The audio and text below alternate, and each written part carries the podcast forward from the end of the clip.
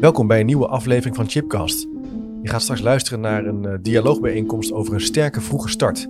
Het is in het kader van de toekomst van ons onderwijs. Een startnotitie die is geschreven door een brede coalitie van onderwijsorganisaties die daarmee willen nadenken over een lange termijn perspectief op goed en mooi onderwijs. Het gaat hier eigenlijk over de basisschool, over voorschoolse opvang, over kinderopvang en de samenwerkingsrelaties die daarvoor nodig zijn. Aan mijn tafel zitten onder andere uh, Magda Heitel, uh, directeur brancheorganisatie kinderopvang. Maar ook René Peters, bestuurlijk aanjager samenwerking kinderopvang, onderwijs, zorg en jeugd. En Jos van Zutphen, directeur speelleercentrum De Wijde Wereld. En daaromheen weer zitten allerlei partijen uh, met wie je uh, straks gaat horen dat, ik, dat we aan de hand van stellingen in gesprek gaan. Dan moet je denken aan het Nederlands Jeugdinstituut, branchevereniging maatschappelijke kinderopvang, kinderopvangorganisaties, maar ook mensen van de PO-raad, de VO-raad, de Haagse Hogeschool, uh, een aantal partijen van de gemeente, Kids Foundation. Nou ja, een mooie groep. En luister maar even mee.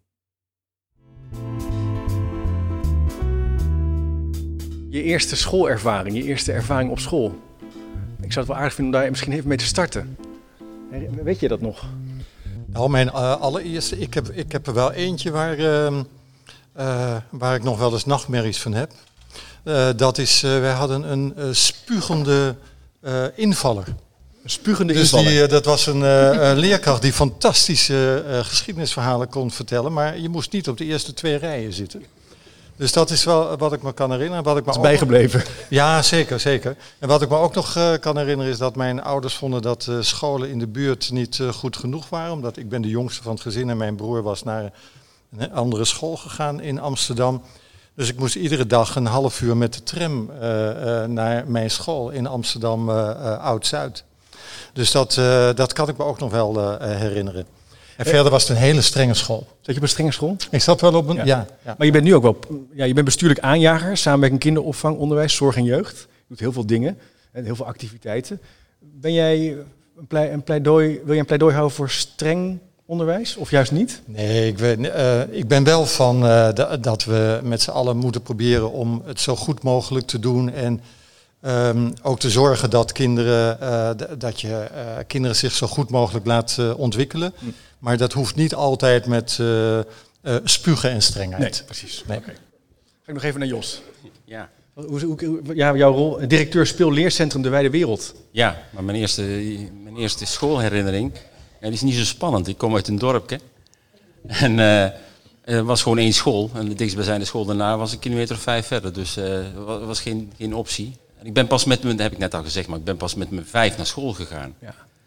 Dus uh, zelfs als je een jaartje later naar school gaat, uh, nou, ik weet niet of het anders nog veel beter was geweest, maar is het toch nog wel uh, ergens, ergens goed gekomen. Ja. Jij vertelde dat jij meer dan acht jaar geleden bent begonnen met dat speel, speelleercentrum. Ja, nu net ja, 7,5 jaar. Dus, dus dat is echt een lange tijd. Dus het loopt nu, maar ja. je bent ermee begonnen een lange tijd geleden. Ja. ja. Ja. Dus het vraagt ook wel een lange adem en een lange nou ja, strategie de, om dat zoiets neer te zetten. Uh, lo, los van dat we pas in het achtste schooljaar zitten, uh, gaan er nog negen jaar aan vooraf, vanaf ideeënvorming totdat het daadwerkelijk kon beginnen. Ja. Dus als het gaat over het tempo van uh, onderwijsvernieuwing, ja. we zijn twee, twee carrières, twee schoolcarrières verder en dan kunnen we eigenlijk hardop gaan zeggen van nou, het werkt echt. Kijk, ja. oké. Okay. Nou, daar gaan we het over hebben. Een sterke vroege start. Zou jij eens, ik ben wel benieuwd hoe jij daarnaar kijkt. Wat, wat, wat bedoelen we daarmee? Een sterke vroege start in jouw beleving. Ja. Wat is dat? Kijk, uh, wij vinden vanuit uh, onze expertise van de kinderopvang dat je niet vroeg genoeg kan beginnen natuurlijk. Uh, wij zeggen eigenlijk kinderen van 0 tot 6 ontwikkelen zich op een hele diverse manier. Um, holistisch eigenlijk, hè, dat je kijkt van wat past er bij een kind. Het is heel pedagogisch ook, heel erg gericht op ontwikkeling, niet op educatie. En wij willen heel graag dat dat ook bewaard blijft. Hè? Dat die ontwikkeling van jonge kinderen goed op de agenda blijft staan. Holistisch zei je ook. Wat ja, bedoel je nou, daarmee? Ik bedoel eigenlijk van kinderen ontwikkelen zich in, in die leeftijd elk op een eigen manier. Hè? En daar moet je goed op, uh, op uh, inspelen. Dus alle ontwikkelingsniveaus die een kind heeft, daar moet je als expert goed mee om kunnen gaan. Ja. En wij denken dat de kinderopvang daar veel expertise in heeft uh, opgedaan. En als je nu vraagt aan mij ook van wat is jouw eerste schoolervaring, ja. dan is mijn eerste schoolervaring als kleuter, zeg maar, van vier jaar. Dat, dat weet ik nog, dat je op een school zat waar je mocht spelen. En waar er geen uh, juffen waren die vertelden hoe je hè, de takjes moest doen. Nee, spelen was belangrijk. Dat was ook nog de vroegere kleuterschool, zo oud uh, ben ik. Ja, Jij ook? ongeveer. Ja, ook, ja. ja. Dus die kleuterschool heeft mij, uh, dat is in mijn geheugen geprint. Een speelomgeving, een Ja. leeromgeving, zonder Ja. dat er steeds Ja. waar, waar een curriculum is. En daardoor rij- Ja. pak je dingen, Ja, leer je dingen en ontwikkel je jezelf. ja. Maar dan heb ik wel de vraag, hoe zit dat dan met bijvoorbeeld het thema taalachterstand in relatie tot een vroege sterke start? Want ja. zi- zitten daar verbindingen, zijn daar verbindingen mee te maken? Of zeg je van nee, we moeten dat eigenlijk nog steeds zo als leeromgeving aanreiken? Of moeten we dan al stiekem een beetje didactiek gaan toevoegen? Nou, het is heel belangrijk, denk ik. eh, maar daar zijn eh, deskundigen veel beter in dan ik om dat uit te leggen. Ehm, is het dat er individuele aandacht is voor alle kinderen, dat er een talige omgeving is, maar dat er ook een veilige omgeving is. Dat kinderen ook kunnen leren, hè, leren ontwikkelen. Ja. Dat hoort in een veilige omgeving die ook goed begeleid wordt door, eh, ja, door pedagogische medewerkers in dit geval in kleine groepen. Aandacht, pedagogische aandacht is daarin heel belangrijk. En natuurlijk kijk je dan naar waar een kind zit. Ja. Het moet een talige omgeving Dat is zijn. een belangrijk punt, talige omgeving. Jos, wil je daar ja, wil je reageren? Ja. Ik zag jou knikken. Ja, ik, ik vind het altijd wel spannend als het gaat over eh, waartoe dient een, een professional in het hele spel. Eh, ik, ik ben langzamerhand steeds meer overtuigd van het feit dat misschien de professional vaker een stapje opzij moet zetten. En juist het kind de ruimte moet bieden om samen met andere kinderen eh, van alles en nog wat te ondernemen. Ja. Ehm, en daarbij hoort natuurlijk eh, een pro- professionele omgeving waarbij iedereen inderdaad in staat is om, om eigenlijk goed te lezen wat er nou eigenlijk gebeurt. En, en waar je dan, ja, zeg maar, de zone van de naaste ontwikkeling zeggen we dan heel mooi, maar kan, kan proberen te bereiken. Ja. Dus eh, ik heb soms wel het idee van dat, dat de omgeving eh, zo moet zijn dat kinderen lekker kunnen spelen. En ik herken het verhaal van, eh, van, van de kleuterschool van vroeger, maar volgens mij is dat ook wat we op heel veel plekken in het land op allerlei scholen en kinderopvangorganisaties aan het, aan het regelen zijn. Ja. Dat kinderen meer dat spelen weer, eh, weer als onderdeel van hun leventje mogen Het punt van ontdekken zit daar ook eigenlijk in, hè? Ja, kijk, Zeker. Kinderen, kinderen hebben alles in huis om zich te ontwikkelen. Hè. We hebben een evolutie van een paar honderdduizend jaar achter de rug. Dus dat, dat, dat is wel ingebakken, dat kleintjes eh, geboren worden en dan vervolgens eh, langzamerhand hun eigen weg gaan vinden. Ja. En ik ben eh, steeds meer eh, ervan overtuigd dat we met z'n allen denken dat een kind alleen nog maar tot leren komt als er een eh, hoogopgeleide professional om dat kind heen circuleert. Die dan kennelijk iedere keer de juiste interventie zou moeten plegen. Want oh, het kind is nou toch echt toe aan iets anders. Die instructie geeft of die dingen Ja, gaat uitleggen. ja, ja, ja. Herken je dat? dat die, die, die neiging om naar hoogopgeleidere mensen te kijken? Hoogopgeleider is niet helemaal een Nederlands woord. Ja, die, die, eh, dat, dat herken ik wel een eh, beetje. Maar wat ik heel erg eh, belangrijk vind, en dat eh, werd ook door, de, eh, door Magda Heitel bijvoorbeeld gezegd, is van dat je vooral een rijke omgeving moet creëren. Alleen ik ben zelf ook wel wat strenger dat die rijke omgeving ook wel moet bestaan uit eh, heel erg deskundige mensen. Ja. Dus dat je ook wel veel deskundigheid nodig hebt. Dat wil niet zeggen dat eh, mensen er allemaal heel streng en zo eruit zien. Nee. Maar ik, eh, ik heb wel eens bijvoorbeeld in eh, de gemeente waar ik wethouder ben geweest, de Universiteit van Utrecht, mensen van de Universiteit van Utrecht, de eh, pedagogische medewerkers laten begeleiden door een mevrouw die gepromoveerd was. En die heb ik een eh, eh, ja, zeg maar soort college laten geven op welke manier je vragen zou kunnen stellen aan kinderen. Open, gesloten vragen. En je kunt zeggen van, nou wat zie ik daar Eh, in een aquarium? Kun je zeggen, nou als een kind dat vraagt, kun je zeggen dat is een vis. Of je kunt ook de vraag stellen, wat zie je gebeuren? Enzovoort. Dus het is ook wel van belang om eh, echt veel deskundigheid rondom het kind te hebben. Eh, en eh, daarmee gaat het kind wat van nature zich ontwikkelt via spel, de eigen route wel volgen. Ja. Moeten we dat vasthouden, die leerlijn, die ontwikkeling in die eerste jaren naar, naar groep 1, 2, 3 door? Hoe, is dat belangrijk om dat vast te houden wat jullie betreft? Of begin je gewoon als je naar de basisschool gaat met een leerkracht die dan voor het eerst in kaart gaat brengen hoe een kind leert, werkt, leeft? Nou, ik, ik sluit me graag aan bij de vorige spreker. Hè. Ja? Ik bedoel, natuurlijk heb je een professionele omgeving nodig, heb je mensen die verstand van zaken hebben. Wat ik alleen maar wil benadrukken is dat dat, dat spelen, dat we dat te veel op de achtergrond hebben, hebben gebracht. Dus Ja. dat, het is een en-verhaal. Ehm, en als het gaat over ehm, waar, waar, waar moet je kinderen eh, toe verleiden, ja, dan, dan heb je daar een omgeving nodig waarbinnen veel verleiding is om met elkaar te spreken, Ja. om, om de uitdaging aan te gaan eh, qua spel, qua bewegen, Ja. qua interactie met anderen. Dus Daar speelt wel in mee, denk ik, dat de groepen daarvoor niet te groot moeten zijn. Vooral voor jonge kinderen moeten de groepen klein zijn. Uh, zodat ze inderdaad ook met elkaar uh, ja. uh, goed kunnen ja. spelen. Maar dat ook de begeleiding op het spel ook goed verzorgd kan worden. Ja. Grote groepen, zoals het natuurlijk ook in het onderwijs nu is. En vooral in de onderbouw ook. ja, dat is toch jammer. Dat daar, um, ja, dat is jammer. Kleine kinderen, kle jonge kinderen van 0 tot 6 zou ik zeggen. Die hebben uh, op maat begeleiding nodig. Dus die nabijheid van die, van die Die nabijheid van die pedagogisch medewerker. Uh, ja, die is zeker belangrijk. Ja. En ik ben het helemaal met je eens dat de ruimte die kinderen nodig hebben, dat die ze ook gegund wordt. Maar een pedagogisch medewerker die goed opgeleid is en de goede ervaring heeft, kan, dat ook, uh, kan daar ook goed op anticiperen. Ja. Betekent wel dat de groepen niet tot 30, 40 kinderen kan groeien, eigenlijk in die redenatie. Ja. ja. Wat we anders dat is wel even een uh, Punt probleempje. Wil, ja, een probleempje, ja? Ja, tuurlijk. Ja. ja. ja. Kijk, op, op het moment dat een kind uh, drie is, uh, zit het in een groep van acht kinderen met een pedagogisch medewerker. En dan schijnt op het moment dat je 300 of 364 dagen ouder bent dan drie jaar en de dag erop dan word je vier en in één keer mag je in een groep van 28 en als je toevallig in de tweede helft van het schooljaar instroomt, dan kan het wel zijn dat je over de 30 zit. Ja, en dan is in, dan is de individuele begeleiding wel een beetje minder. Ja. En dat heeft alles te maken met, met de beide werelden die we ja. kennelijk bij elkaar willen brengen, maar die op geen meter na uh, ook maar enigszins familie van elkaar zijn qua bezetting en qua belang wat die we hechten aan, uh, ja. aan een stukje begeleiding. Het gaat tegenwoordig ook veel over zelfstandigheid van kinderen. Kinderen moeten zelfstandig dan ja, dat komt dan goed uit. Hè, komt dan ook wel goed zijn. uit. Ja, ja, dan denk ik, ja, zelfstandig een planning maken. Ik vind het al moeilijk. Ja, en nou gaan we wat we van kinderen soms vragen. Ja, ja. Reflecteren in je eentje, ja. ja.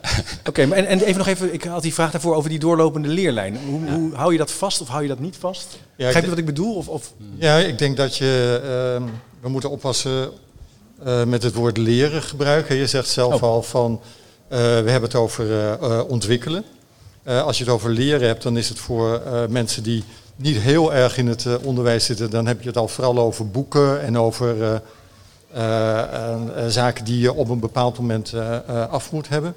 Ik denk dat heel erg van belang is dat je voortdurend kijkt naar wat het kind nodig heeft. Ik ben zelf ook voor andere manieren van onderwijs. Hè. Dus we hebben het over een groep van 28 leerlingen of een lokaal enzovoort. Ik denk dat je het ook op een hele andere manier kunt organiseren, waarbij kinderen bijvoorbeeld in een team les krijgen. Wat ook grote voordelen heeft, omdat Stel je voor dat jij denkt, jij ziet mij zitten en denkt, ja, ik heb toch niet onmiddellijk een klik met die man en misschien wel uh, met, uh, met Jos. Ja. Dan is het als kind is dat ongelooflijk belangrijk dat je ook eens een keer naar een ander kunt. Hè? Dat je, en ik denk dat voor uh, zo'n doorgaande leerlijn het ook van belang is dat er heel goed gekeken wordt door verschillende mensen naar wat een kind op dat moment nodig heeft. Het, het klinkt als een mooi idee, maar ik weet ook wel dat leerkrachten ook wel heel spannend vinden om dan hun bijvoorbeeld rekenexpert worden, niet meer één klas te hebben. Hè? Dus dat vraagt iets van de begeleiders om ook allerlei opvattingen van vroeger los te laten. Ja, het is wel zo. Ik zal niet uh, het uh, stevige uitspraken doen, maar het, het, is, het is, wel zo dat uh, er een flinke groep leerkrachten en docenten is die al heel snel dingen heel erg spannend vinden. Terwijl er toch ook echt wel andere mogelijkheden zijn om uh, met kinderen uh, om te gaan. Hè. Ja, ik denk dat die teams als voorbeeld. Ja, bijvoorbeeld er zijn, idee, er zijn meerdere mogelijkheden ja. hoor. Ja. Ja. Ja. Ja. ja. willen reageren? Ja, een herkenbaar verhaal. Maar je kunt er niet omheen dat je wel met die mensen verder zult moeten. Want echt veel ja. over hebben we er op dit moment niet. Nee. Dus we zullen wel met de mensen die er zijn, die stap moeten gaan zetten. Dat betekent dat die mensen wel ergens een longend perspectief moeten zien wat je ze voor kunt houden, waar je ze langzamerhand mee kunt nemen. Ja, dus, hoe, hoe, doe je dat dan? Nou ja, eh, net ging het erover weer radicaal veranderen. Ik denk, ja, eh, ik, ik, snap dat er op sommige plekken iets, iets echt radicaal moet veranderen, omdat het misschien wel heel erg vastgerust is. Maar ik denk ook wel dat er een heleboel plekken zijn waar al van alles gebeurt. En waar je het organisch verder kunt laten ontwikkelen. En waar ook voldoende ontwikkelkracht al zit. En voldoende mensen die die, die uitdaging ook zien. Ja. Maar ik denk wel dat, dat je dan, eh, misschien wel als leiding, een klein beetje moet durven loslaten. Dat je al te veel binnen de lijntjes wil blijven kleuren, zoals er door eh, inspecties en zo zeg maar voorgespiegeld worden. Want daar moet je binnen blijven. En als je dat al niet als leidinggevende durft aan te geven, van dat je daar niet per definitie alleen maar op wil focussen, maar dat toch wel andere dingen belangrijker zijn. Als mensen daar maar voldoende beeld bij krijgen wat je daarmee bedoelt, dan denk ik dat je die ruimte wel, wel kunt gaan, gaan krijgen bij de mensen. Ja. Overigens, ja. overigens is het zo, ik ben eh, lid van de Raad van Advies van de Onderwijsinspectie, hè, dus ik mag er tegenaan praten. Ik ben Ja. niet van de Onderwijsinspectie. Dat er heel veel mogelijk is. Hè. Ehm, eh, bijvoorbeeld hier, deze school, ik weet niet zo heel veel van deze school, maar hier zitten verschillende, eh, er zitten twee scholen, zitten kinderopvang. En, eh, hier wordt ongetwijfeld ook op een andere manier, eh, denk ik, eh, eh, van die mogelijkheden gebruik gemaakt. Er is heel veel mogelijk als je maar wel verklaart waarom je het doet. Ja. De- dus als je maar rekenschap aflegt voor, over de wijze waarop je eh, de ontwikkeling eh, vormgeeft. Ja. Nou, heb ik een klein beetje ervaring in het onderwijs. Ja. En ik, ik, ik, ik ken het verhaal en ik, ik wil het ook graag geloven. Maar ik moet toch zeggen dat de eerste jaren dat wij begonnen met daar waar we, wij dagelijks mee aan het werk zijn, dat de inspectie toch met meer interesse en ook wel kritischer keek naar de opbrengsten. En eh, toch verdraaid moeilijk was om te verantwoorden dat de opbrengsten met de kinderen die wij in de eerste jaren binnenkregen, dat die niet het gemiddelde eh, hadden wat je eigenlijk van deze kinderen met deze, met, met deze ouders die die opleiding hebben, eh, zou mogen verwachten. En du- Dus het is, ik snap dat de uitgangspunten van de inspectie wel, wel, wel daarin goed zijn. Maar als het erop aankomt, dan Maar- vind maar ik begrijp ik vrij dat star. Maar begrijp ik dat de inspectie op dit moment tevreden is? Ja, want eh, we hebben nu mooie opbrengsten. Ja, ja, Dus maar we- toen- Maar, maar- misschien hebben ze die vragen dan wel terecht gesteld. Nee, die hadden ze niet terechtgesteld. oké. Nee, daar kan ik een discussie over voeren. Maar, Oké, ja. nee, eh, op het moment dat je de, de, zeg maar de eindtermen en, en de middenopbrengsten allemaal op orde hebt, dan acht je, joh, daar kun je alle kanten op. Maar je krijgt niet meteen het publiek binnen, dat is vaak bij nieuwe scholen, je krijgt niet meteen het publiek binnen waarmee je dat gemiddelde makkelijk kunt halen. Ja. Omdat die kinderen van heine en verre komen. En ik zeg altijd, eh, op het moment dat kinderen van school wisselen, maar niet verhuisd zijn, dan is er vaak wel iets meer aan de hand dan wat je aan de voorkant eh, meekrijgt van zowel de leverende school als van de ouders. Dus Ik hoorde vanochtend las, ik keek naar een filmpje, naar, had iemand het over als je verandert wat je meet, dan verander je ook de wereld. Dus eh, als je blijft meten wat je altijd meet, Ja. dan krijg je ook. nou ja, we, we En meten dus daar zouden we ook naar moeten kijken. We meten ook heel beperkt. Ja. Ja. Vanochtend zag ik hier, of toen ik hier een uur eerder was, werden de rapporten uitgereikt hier. En eh, ik vroeg een paar leerkrachten hoe is het gegaan. Ze waren echt eh, tevreden en dat was Ja. een leuk gesprek. En eh, ze- de vraag is altijd wel, wat vinden ouders ervan? Ja. En ik vroeg van, is dat nou meer geworden? En zei, ja, afgelopen jaren merken we dat echt. Dat wij steeds mondigere ouders hebben die... Nou, wat je wel, wat je dus vaak wel merkt punt, als hè? kinderen wat ouder worden, dat het belang van een goed rapport toch wel door ouders vaak wel ja, hoger gewaardeerd wordt dan. Ik, als ze kleuter zijn, dan is het fijn als ze het fijn hebben op school. Ik zeg altijd, als ze dan in groep 6 komen, dan mag er best een beetje fijn weg als er maar een goede prestatie tegenover staat. Dus het, het is ook wel een soort van geleidende schaal waar je mee te maken hebt. Ik, vind- ik vond het wel heel erg leuk om, eh, ik dacht dat eergisteren was, hoorde ik een eh, podcast van het Nivos van Luc Stevens. Mhm. eh, oud eh, hoogleraar. En die was altijd erg optimistisch over andere soorten onderwijs. En hij was voor het eerst eigenlijk pessimistisch. Daar schrok ik een beetje van. En hij zei van, ehm, als je het nu heel goed beschouwt, is ons hele onderwijssysteem, en dat begint al heel erg vroeg, hè, ook over het thema waar wij het nu over eh, eh, hebben, ehm, is eigenlijk heel erg gericht op selectie en is niet gericht op ontwikkeling. Wij zeggen wel dat het onderwijssysteem gericht is op ontwikkeling, maar wij zijn al voortdurend bezig met selectie door de normen, door de CITO-toetsen eh, enzovoort. En ook in het document waar we het vandaag over hebben staat ook iets over hè, dat kinderen later eh, eh, zouden moeten, eh, moeten kiezen. Ja. Dat is een hele, hele goede suggestie, maar daar wo- wordt wel bij vergeten dat je dan ook de kwaliteit van docenten en begeleiders nodig hebt om uiteindelijk die hele grote verschillen tussen kinderen ook te kunnen organiseren en te kunnen managen. Maar ik was wel heel erg getroffen door het feit dat eh, iemand die zijn hele leven heeft ingezet om te zeggen van we moeten het anders doen, zeggen van nou uiteindelijk eh, is de hele mindset, ook in de politiek en zo, toch e- heel erg gericht op selectie. En dat zie je, en daar reageerde ik even op, dat zie je ook bij de eisen die ouders eh, stellen aan het onderwijs. We hebben het over hoger en lager onderwijs. Dat doet mij pijn. Er is gewoon onderwijs dat geschikt is voor een bepaald kind. En het gaat niet om hoog en laag. Waarom is VWO hoger dan Ja. een VMBO-opleiding? Dat is een, eh, wat, past bij, eh, wat past bij het kind. En alleen dat woordgebruik al leidt ertoe dat ouders soms het streven hebben. Nou, als mijn kind, hoewel het een beetje moeizaam is, maar naar, HAVO, V- eh, naar, naar de HAVO gaat, dan hebben we in ieder geval toch nog het hogere segment. Ja, dat heeft natuurlijk ook te maken met het schaduwonderwijs, hè, wat er steeds meer komt. Uh, hoge eisen die aan kinderen gesteld worden, waardoor eigenlijk de kansenongelijkheid uh, steeds toch wel toeneemt, omdat ouders met uh, um, een wat beter inkomen dat kunnen betalen en ouders met een minder inkomen niet. Ja. dus dat leidt wel tot meer hè, kansenongelijkheid. En je ziet dat kinderen, hoe, jong, ja, hoe jonger ze zich uh, uh, kunnen ontwikkelen, hoe beter dat is natuurlijk. Um, ik las in deze notitie, want daar gaat het over. Um, dat er, ik, ik, citeer eventjes. Hè. Uh, ik weet niet of dat de bedoeling is, maar ik ga het toch maar even ja? doen. Hè. De leeftijd waarop kinderen gebruik moeten kunnen maken van een dergelijke kindvoorziening, die voor VE nu op 2,5 jaar ligt, mag omlaag. Hè? Dat schrijft, uh, dat schrijft deze coalitie. Deze, deze coalitie schrijft dat. Van, ja. van, belang hierbij is zoveel mogelijk aan te sluiten bij nat natuurlijke ontwikkelingen van kinderen. Afhankelijk van de uitkomst van de discussie over uitgebreid ouderschapsverlof kan hierbij met de leeftijd waarop een kind naar de kindvoorziening gaat worden aangesloten. Toen ik dat las, toen dacht ik, dat is toch wel een beetje typisch, want we hebben al kinderopvang. Hè? We hebben al 0 tot 4 jaar, eigenlijk 0 tot 12 jaar. En daar doen we al zoveel goede dingen in. Dus ik schrok een beetje van die tekst. Ik denk, hoe kan dat nou dat dat er niet staat? Want kinderen van 0 tot 4 en hun ouders natuurlijk zijn heel erg welkom in de kinderopvang. Uh, de kwaliteit van de kinderopvang is de laatste jaren goed gestegen. Echt tot een kwaliteit wat zich eigenlijk goed verhoudt tot Europa en de wereld. Hè. Dat was een paar jaar geleden wel anders, tien jaar geleden, nu veel beter. Als je kijkt naar de um, kwaliteit van de voorschoolse educatie, ook goed. Ja. De aansluiting met het onderwijs daarentegen, daar valt wat op aan te merken. Dus, die, dus dat zou je kunnen verbeteren? Dat moet je echt verbeteren. Ja, maar erken, erken nu dat er al een voorziening is van 0 tot 4. En maak daar alsjeblieft zo goed mogelijk gebruik van. Duidelijk. Ik ga eens even kijken in het publiek, even op basis van, deze, van het eerste gesprek, of er reacties zijn, vragen zijn of dingen zijn. Ik denk, nou dat wordt helemaal vergeten. Is er iemand die wil reageren? Die een gedachte heeft, die zegt, ja, dat, ja.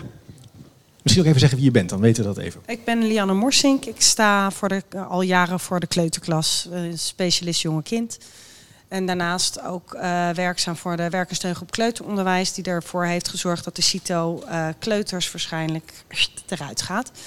Um, waar wat wij merken, wat ik zelf ook merk, is dat vooral uh, de know-how van degene die voor de klas staat of voor de pedagogisch medewerker, dat is zo belangrijk. En dat is eigenlijk verloren gegaan in 1985. Uh, wij hoeven niet terug naar de klos, maar het is zo belangrijk. De basis ligt bij 0 tot 6 jaar. En uh, wat u ook zei, er wordt zoveel op die cognitie gelegd. Terwijl het juist belangrijk is om hetgeen ervoor de basis, het fundament moet goed zijn. Je kan pas software hmm. installeren als de hardware klopt. En met Sinecor sprekend. Dus uh, ik denk dat daar uh, nog een hele grote stap te maken is in de opleidingen. Want op de PABO's missen we daar echt een heel groot stuk. En ook in de stages worden de uh, jonge kinderen, uh, jonge kindleerkrachten, zeg maar de leerkrachten voor groep 1 en 2, opgeleid door mensen die niet die know-how hebben die ze horen te hebben. Okay. Als je werkt voor de kleuters. Dus dat is echt een toevoeging die je wil maken. Ik zie meteen een hand omhoog gaan, dus ik ga even nog even door. Mevrouw, misschien wilt u ook even zeggen wie u bent. Saskia Grotenhuis. En ik heb uh, de afgelopen jaren in uh, het voortgezet onderwijs gezeten. Maar ik zit hier eigenlijk voor de stichting Pedagogiek 0 tot 7. En uh, die zich baseert wat meer op de uitgangspunten van Reggio Emilia. En waar ik eigenlijk heel erg um, zou willen, voor willen pleiten, want ik zie dat een soort dubbelheid wat dat betreft in het rapport. Er staat aan de ene kant 0 tot 6 en tegelijkertijd houden we heel erg vast aan de scheidingen. En ik zou bij groot onderwijs helemaal niet bedenken meteen van wat er allemaal wel en niet moet worden veranderd, maar goed nadenken welke overgangen. En Reggio Emilia werkt van die 0 tot 6 om echt na te denken over hoe is kinderlijke ontwikkeling. En laten we de fout niet maken dat 0 tot 6 dan met minder deskundigheid of dat er geen programma bij hoort. Het is alleen niet het schoolse leren, het is niet de cognitie. Stoppen met VVE als apart programma wat kinderen apart zet, maar wat de cognitie uit de ontwikkeling haalt. Laten we goed gaan nadenken over een integraal programma voor de 0 tot 6-jarigen. En dan kijken hoe we allerlei bestaande vormen daarop kunnen inzetten. En dan ben ik het ontzettend eens met wat u zegt. Er zou er ook in de opleidingen moeten worden nagedacht. Want het is doodzonde wat daarin aan pedagogisch inzicht. We doen net alsof pedagogisch inzicht geen deskundigheid is. En dat zouden we veel meer terug moeten halen. Dank u wel. Glashelder. Ik ga nog even door. Nog even een laatste reactie. Ja, meneer. Ja, eh, even kort aansluitend. Ja, even eh, wie helemaal eens met het pleidooi eh, 0 tot 6 meer integraal bekijken. Als we kijken naar de rol van de onderwijsinspectie, eh, dat is één ding. wel of geen ruimte bieden. Eh, bij 0 tot 4 is de inspectie door gemeenten veelal in handen gegeven van de GGD's. En ik merk ook dat die toezichthoudende rol ook een hele lastige is. Eh, die is ook wat rigide. En eh peuterkleutergroepen, goede voorbeelden zoals in Hilverenbeek. Eh daar staat de GGD met bloedend hart te zeggen... ja, we willen graag goedkeuren wat hier gebeurt, maar het kan niet, het mag niet. Dus wat, is dan eh, precies, wat is dan precies het probleem? het probleem is dat eh, daar waar de inspectie misschien nog eh, kan zeggen... als je de eindtermen haalt en alle metingen goed zijn, dan, dan, doe je, dan doe je het goed. Bij 0 tot 4 ontbreekt zo'n kader en is er een toezichthoudende instantie, die GGD... die ja, op hele formele gronden vaak tot negatieve rapporten komt. Daar waar ze eigenlijk vinden dat wat er gebeurt heel erg goed is. Ja. Nog even zeggen wie u bent, want u Uh, heeft volgens van Aert van de kindertuin, kindertuin in Bokstel. Kijk, dank u wel. Ik zag meteen een hand. Ja, meneer. Misschien ook even u introduceren. Ik ben Gelt Jellesma, ik ben de voorzitter van Belangenvereniging Ouders in de Kinderopvang. Eh, de aller, aller, allergrootste oudervereniging van Nederland overigens. Maar eh, ik, ik reageer op deze manier. Kijk, u heeft gelijk en u heeft geen ongelijk. Het is altijd de GGD overigens, die controleert niet veelal. En er is een hele goede reden voor. Het is juist het feit dat wij een keuze hebben gemaakt in Nederland om kinderopvang tot een markt te maken. Dat is een politieke keuze. Wat wij bijvoorbeeld als Boeing er tegenover hebben gesteld, is een heel stevig kwaliteitssysteem, uitmondend in eh, IKK, hè, dat geen aparte wet is. Dat heeft tot gevolg dat de kinderopvang in Nederland inmiddels tot de vierde plek in Europa is gestegen. Denemarken, Noorwegen voorbij is, Duitsland voorbij is. Eh, met andere woorden, daar heeft gewoon een hele goede reden voor bestaan, omdat je het in een markt natuurlijk moet oppassen. Rigide is nooit goed. Wij hadden overigens voorgesteld bij IKK om een goed breed samengestelde raad, juist om dit soort experimenten te beoordelen.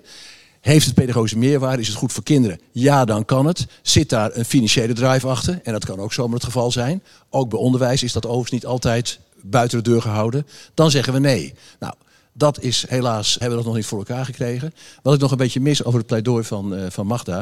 Op het moment dat je over vier- en vijfjarigen hebt en je wil iets doen, en ik zeg het toch maar even, aan het meest gesegregeerde wereld, eh, onderwijssysteem ter wereld, namelijk het Nederlandse, dan kan je natuurlijk nooit inclusief en divers zijn op het moment dat je die groepen zo groot maakt. Dus ik val altijd hebben van mijn stokje van de onnozele uitspraken. Ja, en dan zit ze in de kinderopvang 1 op 8.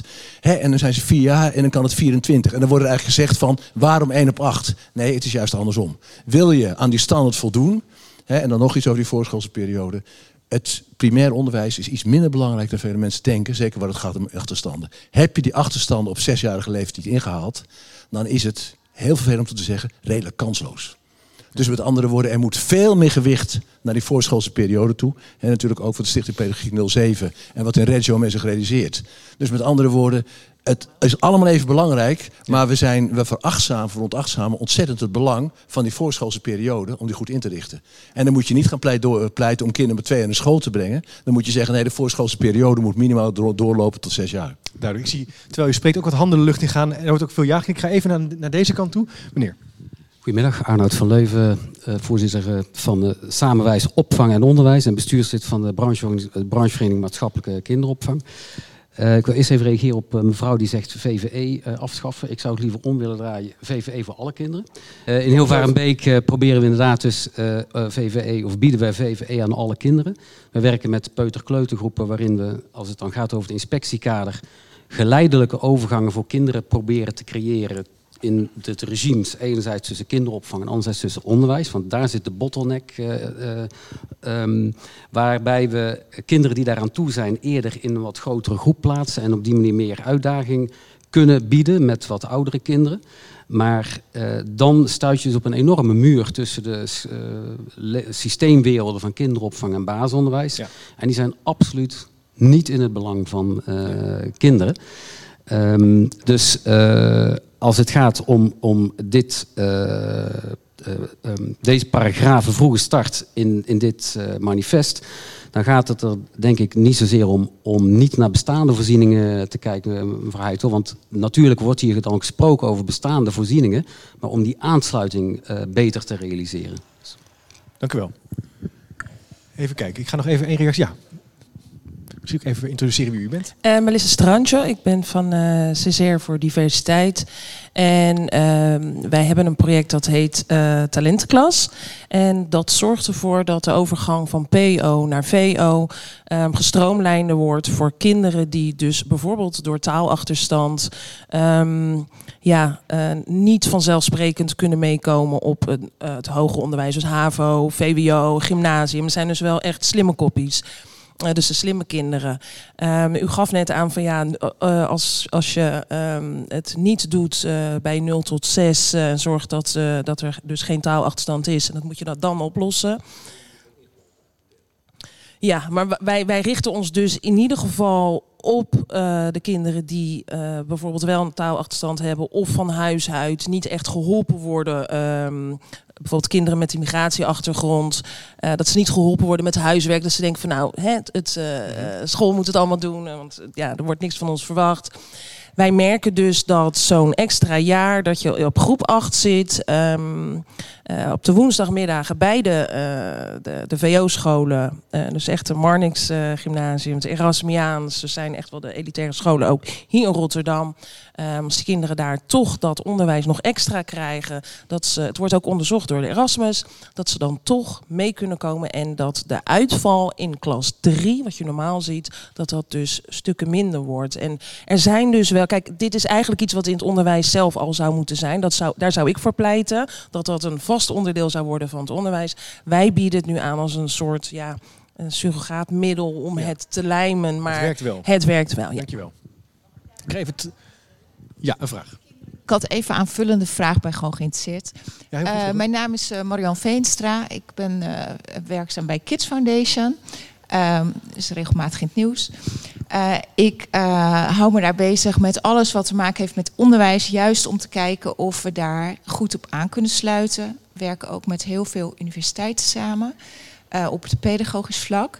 En dit is voor mij is dit een, een inhoudelijke vraag die niet direct te maken heeft met, met kinderopvang. Alhoewel wij dus ook heel veel aan talentontwikkeling doen. Maar meestal is de uitstroom beetje bij groep 7. Dus die overgang naar de middelbare school, die, die maken wij niet actief mee. Uh, maar mijn vraag was eigenlijk, de kinderen die je nu benoemt, hè, dus zeg maar de doelgroep voor deze uh, superleuke activiteit, zijn dat kinderen die al naar het voortgezet onderwijs zijn gegaan?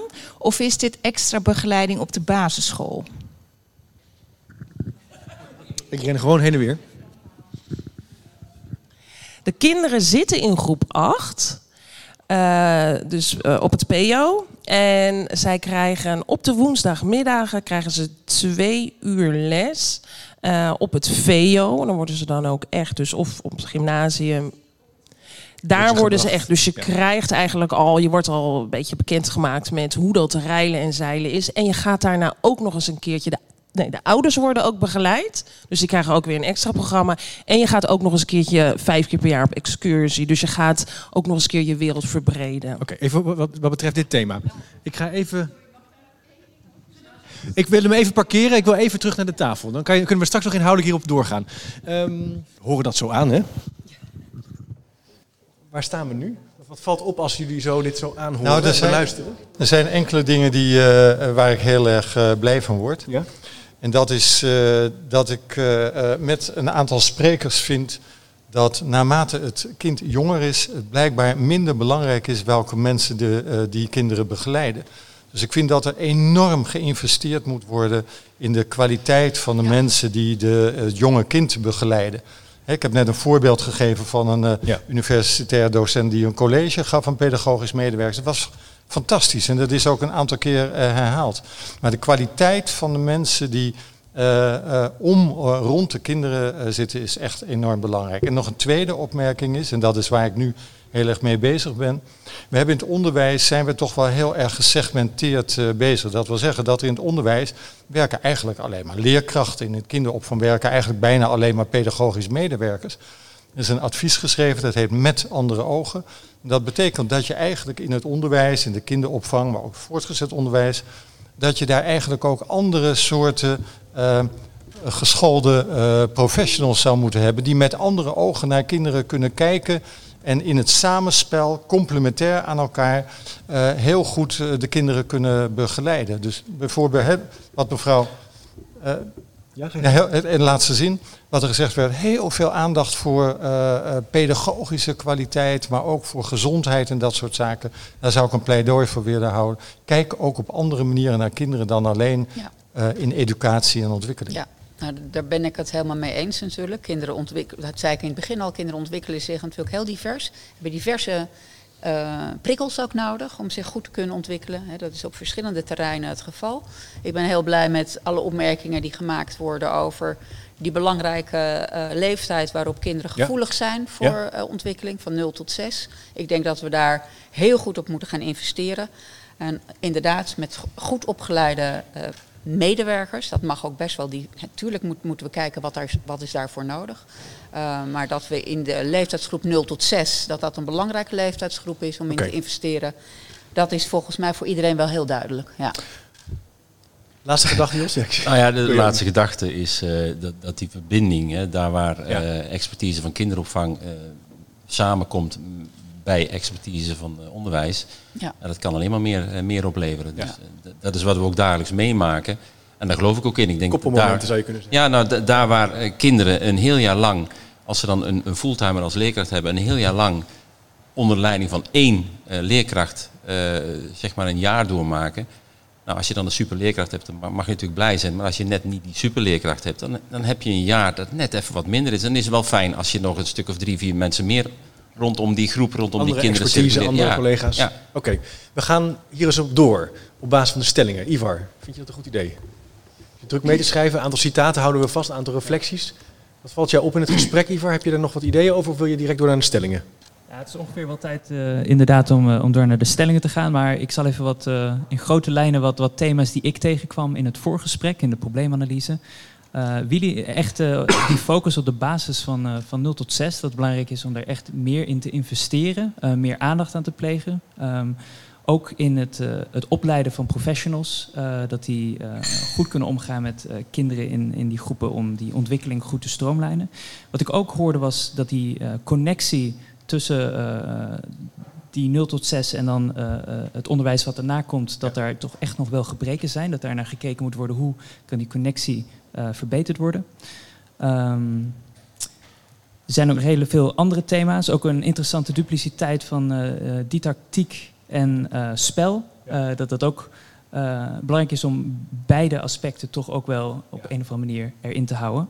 Um, ik denk dat dat in ieder geval een goede analyse is om te gaan starten met de stellingen. Om ook ja. het publiek daarover te laten nadenken. En de eerste stelling is alle kinderen hebben, ongeacht taalachterstand, recht op toegang tot voorschoolse educatie. Dan kan ik me voorstellen dat je nu denkt, ja, dat is een rare stelling, maar toch. Dat is een rare stelling. Laten we even kijken of je het hiermee eens zou zijn. Wie zegt, nou, hier ben ik het mee eens. Stelling is. We kunnen straks de stelling altijd even. Je mag er boven gaan hangen en hem herdefiniëren. Maar even in het denkkader zie ik ongeveer iets minder dan de helft. Nou, bijna nee, de helft zie ik met de handen omhoog staan. Wie is het hiermee radicaal oneens. Dus die zegt aan de andere kant, ik ben het hier niet mee eens. Eén iemand? Ik zie één hand omhoog gaan. Twee handen omhoog gaan. Drie. Tweeënhalf. Te schools. Hè? Ja, hier is van alles op aan te merken, dus dat hoor ik al. Eigenlijk hebben we al in het gesprek een aantal denkstappen gezet. Maar goed, um, laten we het daar dan ook even over hebben. Wie, even, laten we maar even dan beginnen bij, bij jouw puntje. Zeggen van ja, dit, is, dit klopt niet, dit moeten we anders formuleren. Ja, ik denk dat het heel belangrijk is dat de associatie van mensen bij voorschoolse educatie veel te veel zit in onderwijs geven zoals we dat nu gewend zijn. En het gaat over een ontwikkeling waarin natuurlijk leren aan bod komt, maar niet alleen die cognitief. Het gaat over dat integrale, holistisch, hoe je het wil noemen.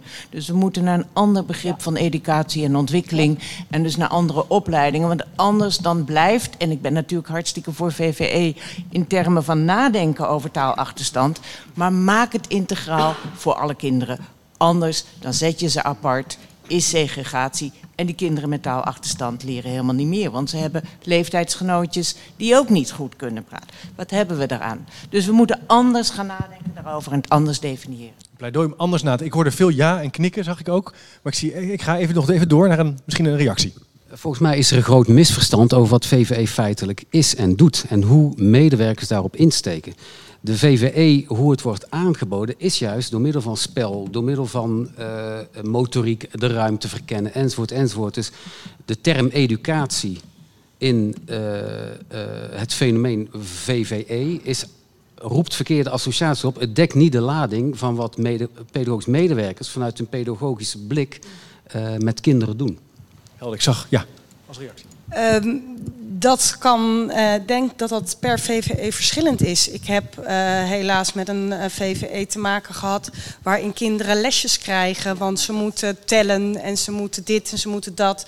En ze worden aan tafel gezet, waarin ik denk, ga op de grond zitten met de treinen spelen, be benoem wat je aan het doen bent, in plaats van dat je lesjes aan het geven bent. En dat okay. moeten de pedagogisch medewerkers ook doen. Want voor VVE krijg je namelijk subsidie.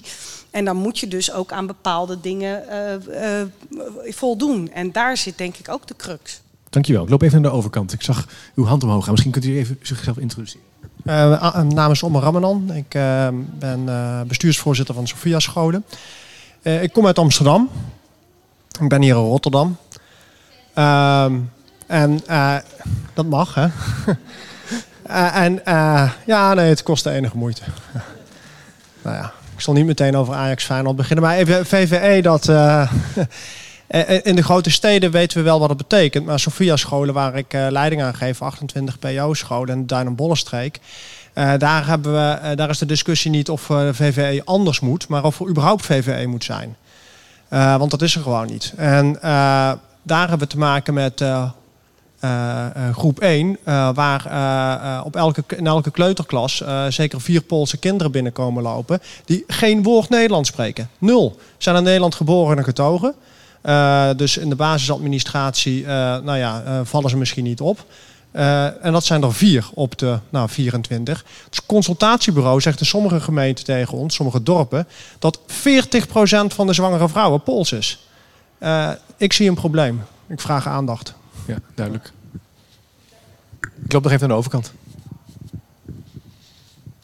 Wij eh, herkennen in de Phoenixwijken in Den Haag en omstreken heel veel Chinezen, waar, waar dus veel uh, kinderen uh, tot vier jaar in China blijven bij opa en oma en vervolgens vanaf vier jaar bij ons binnenkomen. Die groep wordt ook steeds groter, dus ik herken en ook inderdaad Oost-Europese medemens die bij ons binnenkomt en wij lopen hier ook tegenaan. Dus dan mis je het 0 tot 4 jaar al. Ik denk dat uh, dat mede uh, in dit discussiestuk een oplossing voor geboden wordt. Als we het namelijk over een toegangsrecht hebben voor alle kinderen in Nederland. Om vanaf twee jaar, of eh, neem me niet kwalijk, uh, vanaf de start 16 uur per week een toegangsrecht te hebben tot een kinderopvang, voorschoolse voorziening, hoe je het dan ook wilt, wilt noemen. Duidelijk. En ik zie ook hier aan tafel wordt er geknikt. Wacht dan, ja. De toegankelijkheid voor alle kinderen aan een uh, ja, aan een voorziening voor 0 tot 4, 5, 6 jaar. Dat is heel belangrijk. En je ziet ook dat uh, in het CER-rapport en alle ontwikkelingen die er gaande zijn, dat je merkt dat die toegankelijkheid steeds uh, meer uh, bevestigd wordt, dat dat goed is.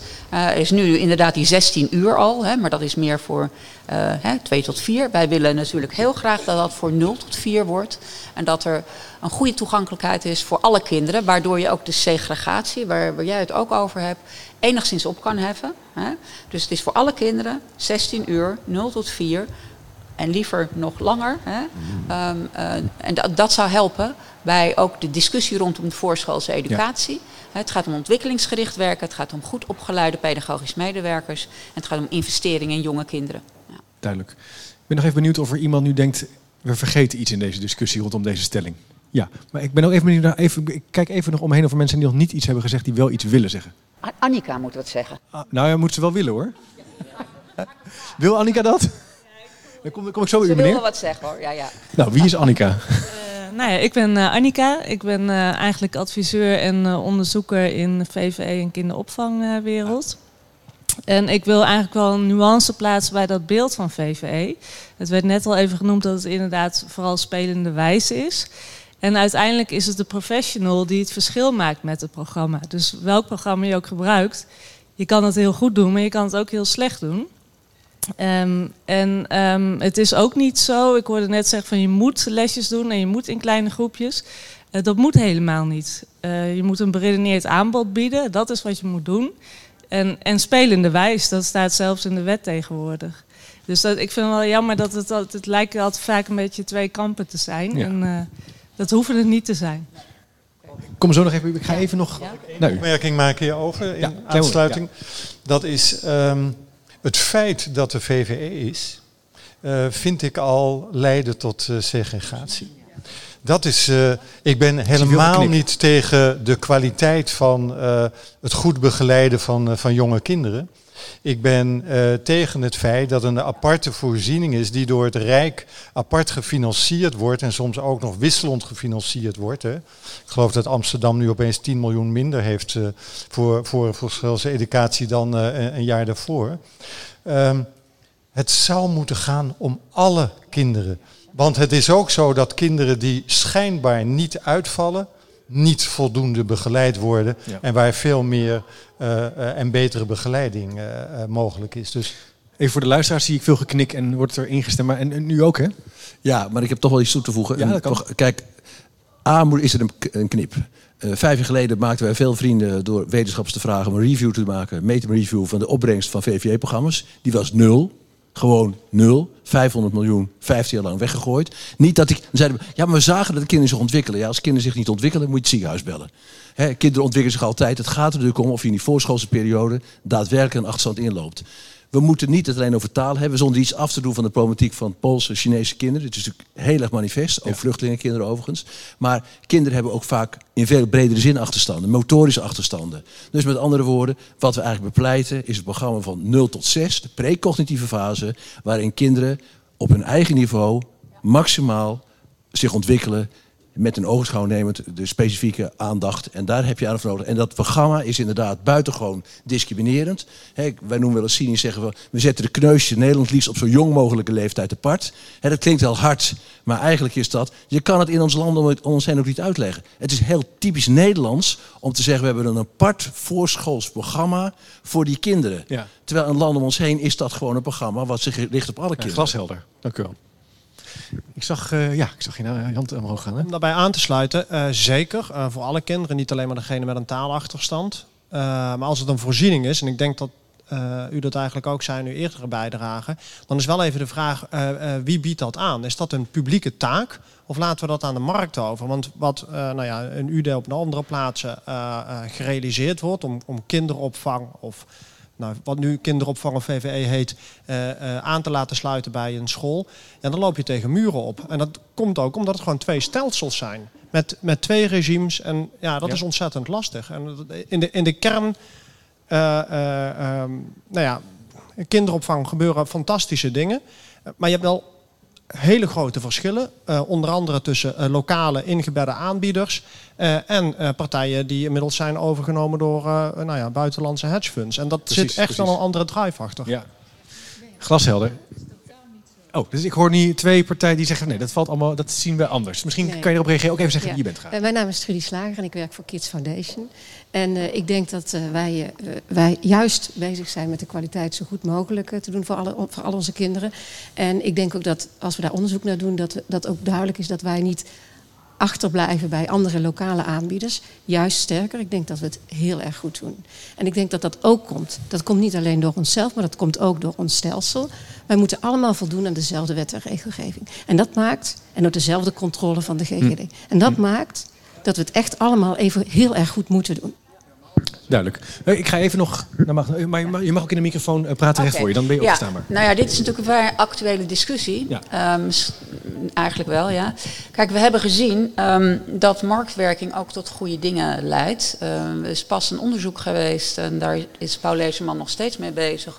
Om te laten zien wat de kwaliteit is van de kinderopvang. En maakt eigenlijk in dat onderzoek niet uit welke entiteit je hebt. Je wordt afgerekend op je kwaliteit en op je investering die je doet in het jonge kind. Um, en als dat goed is, als de, die resultaten goed zijn, uh, dan moet je daar vooral naar blijven kijken. En je kan pas, denk ik, heel veel kritiek hebben op een stelsel als de kwaliteit onder de maat is. En nou ja, daar houden wij vooral onze blik op gericht. Ja. Ik ga even nog naar een laatste reactie uh, voor deze stelling. Uh, meneer.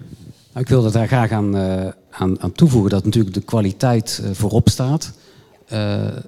dus in zoverre ben ik het met, um, met u eens, mevrouw Heitel. Ik denk wel dat het van belang is om ook in het licht van deze discussie te kijken. Als je het hebt over een toegangsrecht, dan heb je het eigenlijk ook over een, een vorm van een publieke voorziening, waarbij je moet afvragen dat inderdaad, hoe logisch is het dat um, middelen die uh, door ons gezamenlijk nu al ongeveer 70% van de kinderopvang uh, gefinancierd wordt zeg maar, door de maatschappij via allerlei subsidies en, en geldstromen.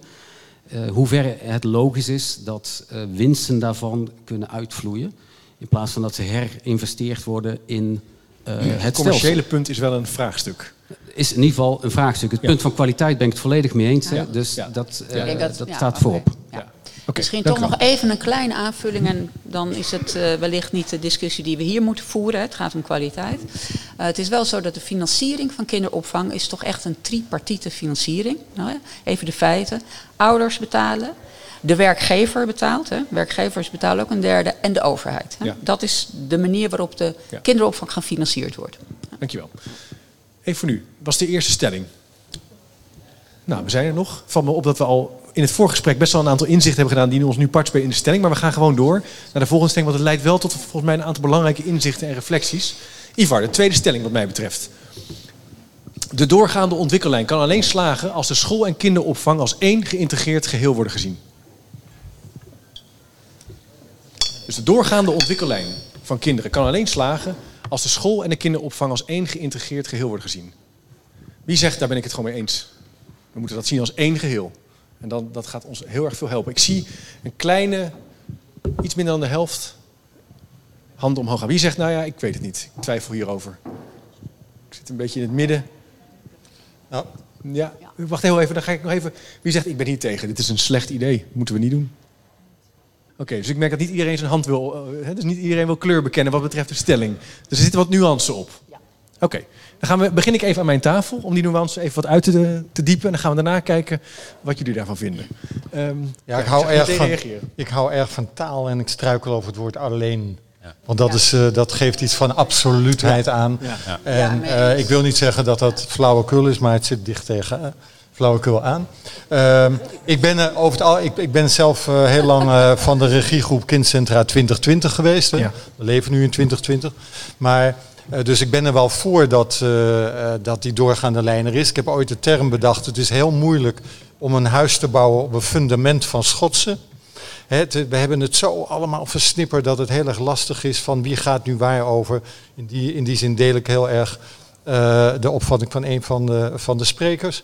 Maar dat je zegt, dit is de enige manier waarop het kan, daar ben ik het niet mee eens. Ik weet bijvoorbeeld in de universiteit van, van Nijmegen ziekenhuis, daar is een particuliere opvang. Ja, daar, daar, daar, werken mensen met allerlei onregelmatige tijden in die zeggen, ja, dat, ik moet mijn kind gewoon daar naartoe kunnen brengen. En als ik dan eerst naar een school moet enzovoort. Maar ik denk wel dat het uh, bevorderlijk is als het zoveel mogelijk een doorgaande lijn, en wat mij betreft ook in één gebouw of een campus op één plein, dat zou wel mijn voorkeur hebben. Waarbij je ook gebruik kunt maken van de verschillende expertises, uh, functies binnen het onderwijs en binnen de kinderopvang. Uh, dat lijkt mij uh, prettig. Ja, Jos, jij hebt een IKC. Ja. ja. Dat lijkt een beetje op een één doorgaande lijn. Misschien... Dit, dat is het. Dat is het, ja. ja. Ja, ik bedoel, er er is, ja, ik zeg wel eens, ik, ik, kan heel makkelijk met mezelf samenwerken. Dus als je het in één hand hebt en je kunt het in één lijn zetten en je hoeft dat niet met verschillende partijen te overleggen, dan maakt het wel makkelijker. Ja. Wil dat zeggen dat het per definitie betere kwaliteit is dan dat je het in samen... Nee, tuurlijk niet. Nee. Hè? Maar het, het, het, het maakt het handelen wel een stuk gemakkelijker. En ik denk dat daarmee ook, en ik sluit dan graag Werné aan, uh, dat, dat de voorwaarden daarmee in ieder geval gunstiger zijn om tot een goede doorgaande lijn te komen. Ja. Uh, maar dat staat niet in de weg dat het ook niet anders zou kunnen. Maar ja. het is wel makkelijker. Ik ben het uh, met je eens. Hè, dat uh, woordje alleen, dat maakt ja. het wat lastig. Ik denk ook dat maar toch gaat... zeggen jullie wel, wel, dat het werkt. Ja, nou, ja, zeker. Dus waarom doen we het niet alleen dat het, maar? Het ligt dan? wel aan de kwaliteit hè, van die Ja. samenwerking. Ja. Want daar zien we ook wel verschillen in. Ook al is het een ge- geïntegreerd aanbod. Het gaat om de kwaliteit van de samenwerking. Altijd. En of het wel of Ja. niet geïntegreerd is of in een campusmodel. De kwaliteit bepaalt wat je eruit haalt. Hm? Ik ga eens even om, om, me heen kijken. Ja. Hoe daarop wordt gereageerd. Ja, meneer. Ja, dat is wel mee. Misschien even kort introduceren wie je bent. Het is niet een Uh, mijn naam is Ronald Cox van het Landelijk Kennisinstituut Cultuureducatie en Amateurkunst. We houden ons ook bezig met eh, kunsteducatie voor het jonge kind maar, en ook daarna. Ehm, ik was het heel erg eens met deze stelling, maar dan wel nog een toevoeging erbij. Dan laten we ook los wat we school vinden in kinderopvang. Want dat is de stap die je daarna moet doen. Het gaat dus niet over samenwerken, dus, want dan heb je het over twee entiteiten die dan samen iets moeten doen. Maar één nieuwe entiteit vormen, waarbij je de integratie van wat we nu buitenschoolse opvang ook noemen, dus ook in die hoge leeftijd, dat het geïntegreerd wordt in de dag van een kind. En dan gaat spelen veel langer door dan zes jaar. Hier valt me ook wel op dat er een breuk is van zes. Daarna spelen ze niet meer, leren ze alleen maar blijkbaar. Eh, volgens mij spelen we, zelfs als volwassenen Ja. nog altijd. Eh, Vrouwen spelen meer computerspelletjes dan mannen overigens. Dat is ook niet bekend. Eh, ehm, maar dus, dus je ziet dat we een, leven lang spelen. Eh, dat is eh, belangrijk. En dus is de integratie heel erg belangrijk. En dan krijg je een nieuwe entiteit. En dat zou ik graag toe willen voegen. Nieuwe entiteit. Om integratie te bevorderen. Interessant, dankjewel. Kijk nog even omheen. Zouden jullie misschien willen reageren? Ja. Nou ja, ik denk dat er ook nog steeds kinderen zijn tussen 0 en 4 die nergens komen. Die dus niet op de kinderopvang komen en niet op de, eh, bij de VVE. Ja. Dus ehm, dan kan je wel een mooie geïntegreerde li- lijn hebben, maar dan mis je er nog een heleboel. Komen ze er nog niet? Nee, dan maar liever naar de commerciële. Ja, hoe zouden we dat dan moeten oplossen? Een voorziening misschien. Een voorziening misschien. En misschien moeten, we naar de, misschien moeten we veel meer toe naar de mensen die we missen. Dus eh, ik zou het heel leuk vinden om na te denken over hoe dat dan zou moeten met die Poolse kinderen van 0 tot 4 in Ja. eh, de Bollenstreek. Ja, dankjewel. Kijk nog even aan de andere kant. Zijn er nog meer reacties hierop? Ja, mevrouw. Misschien ook even zeggen wie, eh, wie u bent. Uh, mijn naam is Helene Smit, ik ben van de branchevereniging Maatschappelijke Kinderopvang. Um, en in navolging op uh, wat mevrouw aan de overkant net opmerkte, dat heel veel kinderen natuurlijk kinderopvang missen. Dat is precies natuurlijk ook wat maatschappelijke kinderopvang doet. Wij gaan juist ook in wijken zitten en in regio's waar, waar kinderen eigenlijk geen toegang hebben tot kinderopvang. En we maken het mogelijk, juist door een grote spreiding en te zorgen dat we daarin investeren, de winst investeren die we ergens anders kunnen verdienen, in die wijken waar de kinderen ook toegang zouden moeten Ja. hebben tot kinderopvang. Dus daar kan aan gewerkt worden. Nou, ik zie al wat eh, nieuwe ideeën ontstaan. Dankjewel. Eens even kijken. Zie ik nog iets over het hoofd met deze stelling? Of een reflectie waarvan je denkt, ja, dat mis je mooi nu, Chip. Ik ga even nog, sorry, ik ga even naar achter, want ik heb u nog niet gehoord. Misschien ook even Eh, ik ben Antoinette Bomers, ik ben pedagoog in de kinderopvang.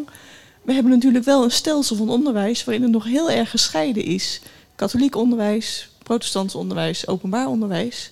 Dan zitten wij met een kindcentrum in een wijk naast drie scholen. En hoe wij ook ontzettend willen aansluiten bij die scholen. Die scholen hebben al gezegd, ja maar wij willen niet allemaal hetzelfde. Wij willen ons onderscheiden van elkaar. En dat maakt juist die overgang heel erg lastig. Zijn ze elkaar een beetje aan het beconcurreren dan? Ja. Dat, is ook- ja, dat gebeurt ook, hè? Ik ga even naar de overkant. Ik zie met twee, twee vingers omhoog. Zou je willen reageren? Waar eh, wij zelf zeg maar, op, in het veld bij de kleuters tegenaan lopen, zijn eh, kinderen eh, waar het al niet helemaal lekker mee gaat, waar je al zorgen om hebt, waarschijnlijk in het, in het voorschoolse, of die dat niet hebben gehad. Maar zeker als er dus eh, geen goed overleg is tussen, tussen crash of eh, kinderdagverblijf en eh, PO, dan moet je als leerkracht weer helemaal opnieuw beginnen. Maar juist het probleem met AVG, je mag ook niet zoveel doorgeven. En als ouders geen toestemming geven, zullen deze kinderen continu tussen wal en schip vallen. En, en daar, daar was mijn van, ja, het kan alleen als het één geheel is. Dan heb je minder te maken met AVG, want je bent één organisatie. Leg dat, kan je het uitleggen voor mij? eh, waardoor, Nou, met, het, eh, Doordat mensen. Je, ma- je mag niet zomaar alles eh, met elkaar bespreken als professional. Terwijl je wel je zorgen hebt. En eh, dat maakt het ook soms lastig voor die doorgaande lijn. Dankjewel. Ik zag u ook eh, uw hand opsteken. Misschien wilt u nog op reageren. Ja, ik was een van degenen die zei, eh, he- helemaal eens met deze stelling. Eh, ik kan me wel vinden in de nuancering, maar het zou wel heel prettig zijn als het Integraal Kindcentrum als derde weg in de wet verankerd zou worden. Dat was ook een van de adviezen van Kindcentrum 2020, of Kindcentra 2020, waar meneer Peters het zojuist over had. Dat is eigenlijk een discussie die enerzijds wel losstaat van waar we het hier over hebben maar tegelijkertijd ook wel heel erg daarmee verband houdt, omdat de integratie van het aanbod van 0 tot 6 jaar onder andere in een integraal kindcentrum heel goed gefaciliteerd kan worden. Dankjewel. De derde weg. Ik kijk nog even. Ja, ik zie nog een laatste reactie. Wat ziet u daarvan? Ongelooflijke voorzitter van IKC's. Op voorwaarde dat we het begrip uh, daadwerkelijk onderzoeken. En alleen als je het echt bent, je het bordje op de voordeur mag plakken dan kan 80% kan het er gelijk afschroeven. Oké, dus blijkbaar uh, halen we daar nog wat trucs uit. Ja. Het, is ook brand, het is ook branding geworden en dat is heel jammer, want het is een prachtig idee. Het is natuurlijk een idee wat gewoon uit het buitenland is overgenomen. Maar het is wel heel erg jammer als je ook in het onderwijs ziet. Hè, ik weet een klein beetje waar Jos mee bezig is. En ik weet een ander mensen die verdienen dat ook. En dat moet vooral zo genoemd worden. Maar ik zie IKC's, dat heeft niets met IKC's te maken. Oké, dus daar moeten we ook kritisch op zijn. Ja, want anders gaan naar ouders toe, suggereer je iets wat helemaal niet waar is. En dat is nou precies waar we af wilden. Ook het onderwijs moet niet gaan lopen branding. Hè, dat ook met die scholen, die beconcurreren elkaar gewoon, laten we eerlijk zijn. In Amsterdam sluiten ze ook scholen omdat er te weinig leerlingen op zitten. Hè, dus de, de zoveelste school dit jaar alweer. Dat betekent dat scholen zich ook gaan profileren. Ja. En laten ze dat vooral op kwaliteit doen en op toegankelijkheid, maar niet op bordjes die de werkelijkheid verhullen. Dankjewel. Heel even, ja. Het is een heel ander thema, maar uh, uh, Amsterdam sluit ook scholen omdat het gewoon onbetaalbaar is om, uh, om er te wonen. En al die kinderen die vertrekken naar Almere, Haarlem enzovoort. Ja. ja. Maar, maar, we, gaan even, we, zitten weer, we zitten weer aan tafel. Ja. dus even zoveel mogelijk mensen proberen te horen om, om, ja. omtrent deze tweede stelling. Wat, wat valt jullie op? Nou, wat, wat, wat mij enorm aanspreekt, is, is, inderdaad als we het hebben over die doorgaande lijn, waar, waar eh, juridisch gewoon een knip zit uh, voor wat betreft de, de entiteit van kinderopvang en dan in één keer onderwijs. Maar inderdaad ook als het over doorgaande lijn gaat, is het van belang het kind te kennen.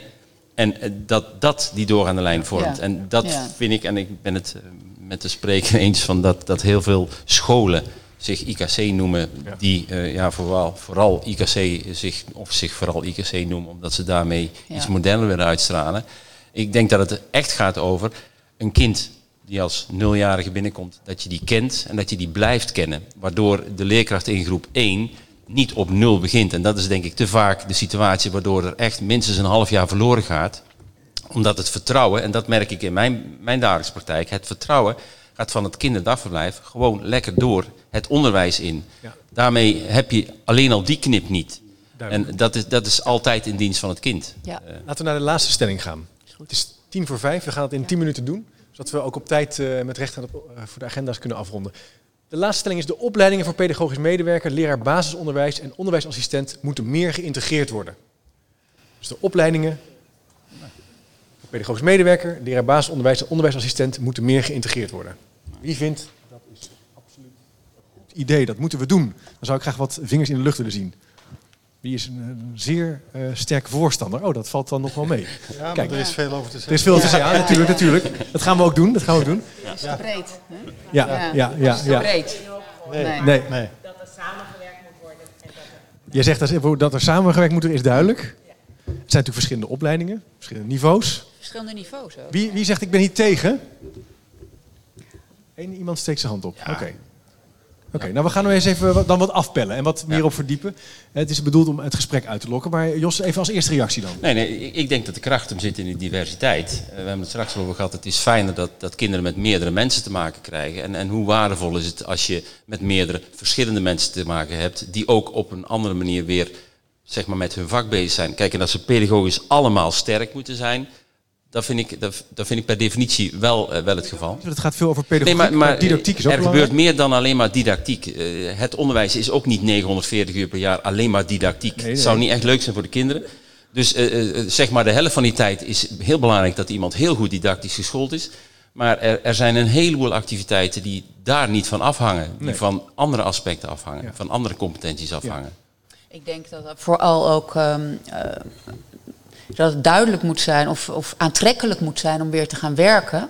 Als pedagogisch medewerker, als leerkracht. Hè, dat die opleidingen toch een beetje um, last hebben van te weinig aanwas. En dat heeft ook te maken met het aantrek de aantrekkelijkheid van het beroep. Ja. Dus ik zou veel meer willen inzetten op hoe krijgen we het vak weer aantrekkelijk? En dan hebben we te maken met hoe, hoe, hoe ga je die opleidingen invullen? Hè? En wat, wat zijn belangrijke aspecten daarvan? Hoe krijgen we mensen weer naar die opleidingen toe? Ik vind bijvoorbeeld ook heel belangrijk dat MBO uh, gescholden, hè, niveau 3 en 4, dat die zich welkom voelen binnen kindvoorzieningen. Ja, dat is toch wel eens een punt, hè? Ja, dat is nog wel eens het punt. Ja. En die, de leerkracht die vindt, nou, ik doe de instructie en de onderwijsassistent mag uh, de taakjes doen. Ja, het is een belangrijk. Ja, en, en er zijn natuurlijk heel veel uh, jonge mensen die, en daar had jij het net ook over, die Um, niet HAVO-VWO geschoold zullen raken, maar die wel op MBO 3 en 4 ja. heel goed werk kunnen en die verrichten. fantastisch met kinderen kunnen ja, werken. Dus dat moeten we spelen. vooral blijven letten. Oké, okay, ja. dankjewel. Ik zie al, ja, ga nog, even, ga nog even door op dit thema. Hoe kijk jij daarnaar? Die verbindingen. Ik denk dat het vooral heel belangrijk is, is dat we met de inzichten die we nu hebben op neurologisch onderzoek van uh, hoe uh, een mens en een jong kind in het specifieke zich ontwikkelt, dat, uh, dat daar die opleidingen, beide opleidingen, zich heel erg in gaan profileren. Want ik denk dat daar nog wel een slag te maken is van hoe leert een jong kind of hoe ontwikkelt zich een jong kind. En, uh, en als we daarin in dezelfde, dezelfde, de neus dezelfde kant op hebben. Ik denk dat daar het, het onderwijs en wetenschap uh, en ook pedagogisch medewerkers, uh, dus niet het onderwijs, maar ook de opvang, daar veel meer in zouden moeten samenwerken. Ja, duidelijk, dankjewel. Nog andere reacties over deze stelling? De verbindingen. Ja, ik wilde wel iets over zeggen. Ja, ja. Ik denk dat je heel goed moet kijken wat, uh, voor, uh, wat er voor een kind nodig is. En dat wil zeggen dat je uh, voor een deel ook zeg maar, verzorgende handen uh, nodig hebt, hè, die gewoon uh, liefdevol het kind begeleiden. Maar aan de andere kant heb je ook hoge kwaliteit van kennis en kunde van de ontwikkeling van, van kinderen nodig. Dus ik ben heel erg voorstander van een, een mix van personeel. Dat zei ik al, dat zei ik al wat eerder. Dat geldt ook voor het basisonderwijs en, en voortgezet onderwijs. Maar kijk vooral wat er nodig is Denk niet in termen van laag en hoog, maar denk in termen uh, van uh, hoe kun je het beste de omgeving van het kind zo inrichten dat het zich goed kan uh, ontwikkelen. Dankjewel. Mevrouw, misschien nog even zeggen wie u bent. Mijn naam is Joni Krijt, ik ben voorzitter van MBO Utrecht. Um, en het uh, spreekt mij ook wel heel erg aan natuurlijk uh, dat er verschillende functies uh, zijn. Niet alleen voor in het onderwijs zelf, maar ook voor de mensen die er gaan werken. We hebben natuurlijk te maken met een enorm lerarentekort. Ja. die proberen we op te lossen door nog meer mensen naar de PABO te halen. En de vraag is of we daarin ook niet die, die diversiteit veel meer moeten zoeken. Waardoor er ook veel meer doorgroeimogelijkheden zijn. MBO'ers die kunnen hartstikke goed starten in het, natuurlijk als pedagogisch medewerker, maar ook als onderwijsassistent ja. in het primaire onderwijs. Om vervolgens daarna te denken, ook na een aantal jaren, want dat is natuurlijk ook een onderdeel van het rapport. Dat het goed is om te blijven leren en te blijven ontwikkelen. En ook op een latere leeftijd op een gegeven moment te zeggen, ik ga toch die HBO-opleiding doen Precies. en ik word toch gewoon leerkracht. En hoe meer we er een eenheidsworst van maken, en dat is het al uh, behoorlijk wat in het uh, onderwijs, hoe minder doorgroeimogelijkheden er zijn en hoe minder aantrekkelijk het is uh, om er te werken. Maar het, is, maar het is ook niet zo dat iedereen maar door moet groeien naar het HBO. Nee, er zijn gewoon mensen die zeggen van, ja, die hebben VMBO-niveau of ja. die hebben praktijkonderwijs. En dat is gewoon, uh. Uh, daar, uh, daar zijn ze het beste in. Ja. het verschil benutten, hè? dat is denk ik wel een punt. Je kan het verschil benutten en je kan dan wel doorgroeien. Maar ik, zal, ik zie meteen, ja, mevrouw. Want ik denk ook bij, dat klopt, dat we te beperkt kijken. Als je in die benadering van Reggio, dan haal je ook kunstenaars de school in. Dansers, uh, muziekmensen uh, die ja. met kinderen heel veel dingen boel, kunnen ja. doen. Ja. Waardoor mensen die dan als pedagogisch medewerker zijn... weer tijd hebben om na te denken over die ontwikkeling van het kind. Ze moeten ook anders kijken naar neer. mensen die in de klas dus met kinderen Dus je werken. moet veel meer nadenken over wat je dan verstaat onder die brede ja. ontwikkeling en niet pedagogiek, didactiek ja, ja. tegen elkaar, oh, tegenover elkaar zetten, maar daarin denken van wat heeft een kind allemaal nodig en hoe kun je dan met hele verschillende expertise een veel rijkere ontwikkeling aanbieden. Mooi. Niet in de tegenstelling, maar in de verbinding. Ik zag uw hand ook omhoog gaan. Ja, uh, eens wat er gezegd is, het is zo denk ik dat een deel van mensen die op MBO 3 en MBO 4 niveau zitten de behoefte hebben om door te groeien. Daar wordt gelukkig ook in voorzien. Er zijn geloof ik op dit negen PABO's die de opleiding pedagogiek, educatie en praktijk aanbieden. Waarbij een heel goed uh, oog is voor het feit dat vanuit MBO naar HBO het ingewikkeld is. Dus met andere woorden, dat is een prachtige tussenvorm. Die natuurlijk ook heel goed de verbinding kan vormen tussen de, En bovendien ook iets zeggen over doorgaande leerlijn op een wat ander niveau. daar waar we het hier uh, over hebben. Ja. Dus er zijn wel degelijk ontwikkelingen gelukkig in die richting. Uh, en destijds was er natuurlijk ook in de kinderopvang een roep om alleen maar op HBO-geschoold niveau te gaan zitten. Ik denk dat dat onzin is. Ook in landen waar wij met bewondering naar kijken, is het vaak een mix. Uh, het pleidooi van de mevrouw achter mij om wat dat betreft veel diverser te worden. Gebeurt voor een deel in de BSO, zien we dat al. Maar daarin zou inderdaad een vloeiende overgang tussen BSO en onderwijs, waardoor je het nog veel meer zou kunnen integreren. Ja, dan kunnen we natuurlijk nog een ongelooflijk grote stap maken. Dankjewel. Ik heb behoefte om nog één ding te zeggen over ja, die ik ga ook weer aan tafel zitten. Ja, om, over die doorstroom van mbo naar hbo. In eind jaren 90 van de vorige eeuw, mensen, het wordt, wordt oud, is het zo dat we ook een leerkrachtentekort hebben. En toen zagen we dat een enorm gestimuleerd werd dat uh, mbo-leerlingen, uh, studenten heet het tegenwoordig, doorgingen naar de PABO. Dat is in veel gevallen toch niet uitgelopen op een heel groot succes. Omdat je hebt ook wel enig abstractieniveau uh, ja. nodig. Wat heel, terwijl Tuurlijk, ja. het is fantastisch uh, dat mensen die opleiding hebben gedaan, mbo 3-4, maar het is niet iedereen gegeven om dat te doen. En ik zou toch willen oproepen, ook naar de mensen in de Tweede Kamer die op dit moment overdenken om het niveau van de PABO wat, wat terug te schroeven. Doe dat niet. Maak het zwaarder. Uh, zorg ervoor dat er echt uh, heel erg goede mensen opgeleid uh, worden. Ik denk dat dat heel veel ja. beter is. En ik ben heel blij met de opmerking um, dat ook de cultuur en de dans uh, meer aandacht moet krijgen als vader van een muzikus en als vader van een danser, vind ik dat een buitengewoon belangrijke oproep. Ja. Dat is ook heel goed voor de hersenontwikkelingen. Ja, precies. Ja. is meer dan alleen uh, ja, dat is les krijgen. Maar nog even een laatste reactie van jullie aan tafel. Het is nou, bijna waar, tijd. Waar wij in ieder geval mee bezig zijn vanuit de sector, hè, dus dat zijn de beide branches tegelijk. Wij zijn met de MBO-raad uh, vooral aan de gang om de competenties, de profielen van de mensen die straks van de opleiding komen aan te passen aan de vraag van de praktijk van nu. Daar gebruiken wij natuurlijk alle uh, informatie van voor die van toepassing is. En het gaat dan ook over breinontwikkeling onder andere. Zodat er moderne, nieuwe pedagogische medewerkers van school komen die passen binnen de nieuwe vraag. En ondertussen moeten natuurlijk de bedrijven waar, of de, de, organisaties waarbij pedagogische medewerkers nu werken, zorgen voor een, uh, de, de, de, natuurlijk de scholing die daarbij hoort, hè, de aanvullende scholing. Want je hebt startbekwaam en vakbekwaam, hè, zoals dat zo mooi heet. Ja. En die startbekwaamheid, daar zijn we nu mee bezig. Vakbekwaamheid, dat doen uh, de organisaties in hun eigen, uh, in hun eigen organisatie natuurlijk. Dankjewel. Ja? Ja. Nou ja, wat ik krachtig vind, en ja goed, Regio Media spreekt, spreekt tot de verbeelding. Maar um, dat, dat er inderdaad veel meer mensen zijn die van, die van toegevoegde waarde zijn binnen een integraal kindcentrum. Daar staat voor mij als een paal boven water. Ja. En dan is het eigenlijk veel meer de kunst om, om binnen een dag, binnen een week, binnen een, een, een jaar, uh, dat met elkaar verbonden te krijgen. En dat is voor menig school nog wel een uitdaging om, om dat organisatorisch voor elkaar te krijgen. Ja. Ik heb een mooi voorbeeld uh, wat ik daarover kan beschrijven, maar, maar het, het, het, het, het, betekent dat je de vaste structuren die er nu vaak zijn, eigenlijk eventjes helemaal los moet laten om opnieuw die zaak met elkaar in verbinding te brengen. En dan, dan is er wel veel mogelijk. Er is heel veel mogelijk, dankjewel. Ja. Okay. Bijzonder leuk om zo met jullie aan tafel en met deze groep in gesprek te zijn. We zijn aan het eind gekomen van, uh, van de tijd, het is bijna vijf uur en ik wil ook even recht doen aan de agenda's. Uh, het heeft heel af en toe even boven ons geregend, dat hebben jullie misschien gehoord.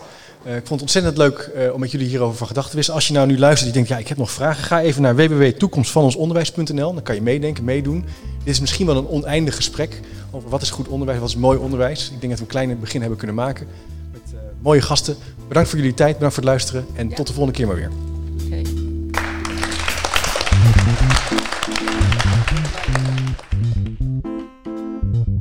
We hebben dus een soort open microfoon momentje na deze bijeenkomst. We kunnen nog even wat nabranders, inzicht en reflecties delen.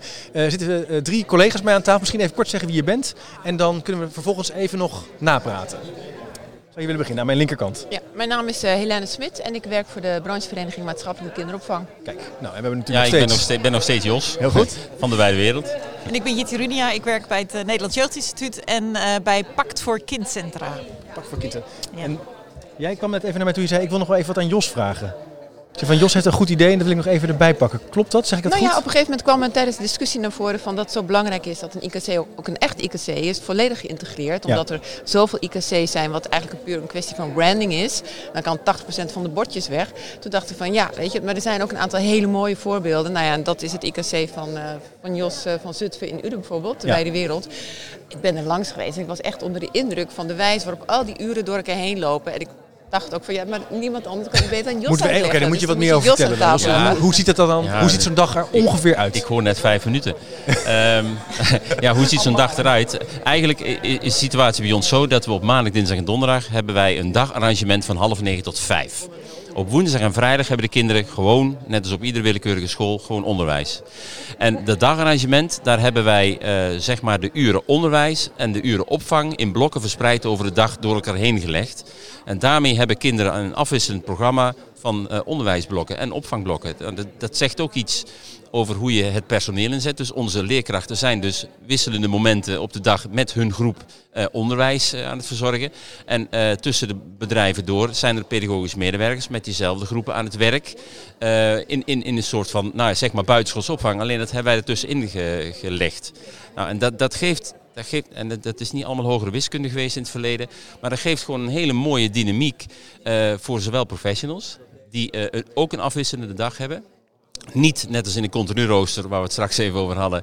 Niet in een continu rooster eh, om half negen beginnen en alleen maar door moeten, door moeten, door moeten, door moeten. En ergens rond twee, half drie kunnen stoppen en dan opgelucht ademhalen van ik- ben de tijd doorgekomen.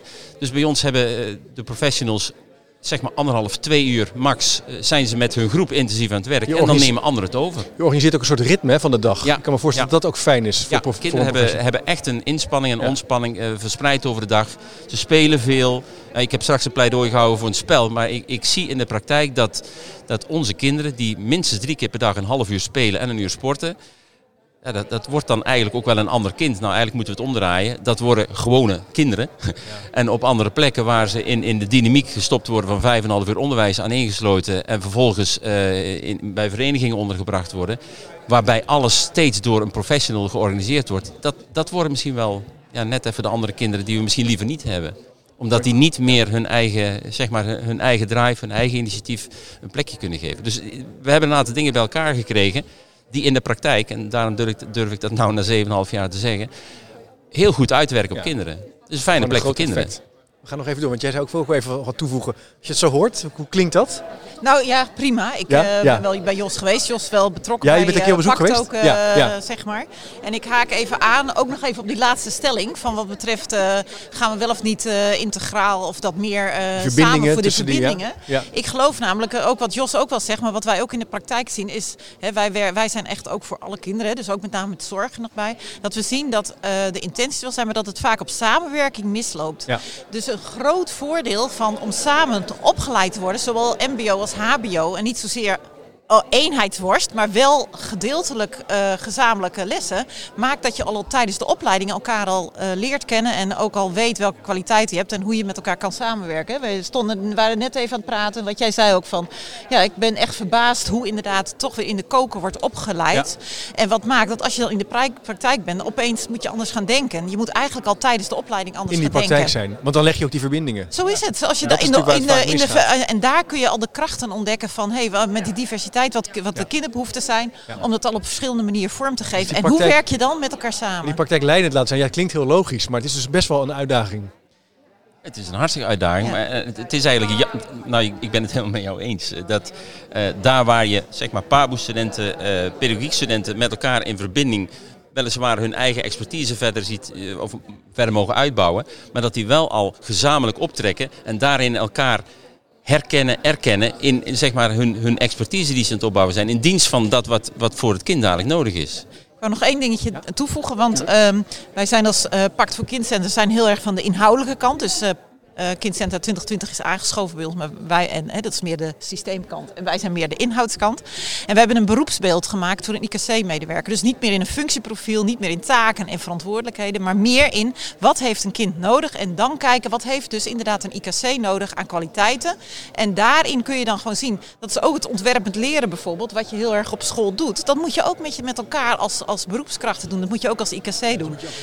Als je dat voor kinderen vraagt, moet je dat ook zelf dus doen. Dus ik geloof er ook naar dat we inderdaad op een gegeven moment naar een andere entiteit gaan. En misschien ook niet meer praten over pedagogische medewerkers, leerkrachten en dergelijke. Maar dat je gewoon echt gaat kijken. Hè, dat zie je op verschillende scholen ook al. Als je een coach bent. En de een die is veel meer voor de, voor de nou, voor de praktische dingen, de ander is meer voor de educatieve dingen. Kan en de elkaar ook helpen daardoor. Maar je helpt elkaar en je werkt dan veel, in, ja, veel integraal met elkaar samen. Kunnen we dat ergens vinden? Een website of een... Ja. eh. Weet je die uit je hoofd? Ja, www.pedagogischpact.nl. Kijk, en dan check. kijk je naar het beroepsbeeld IKC.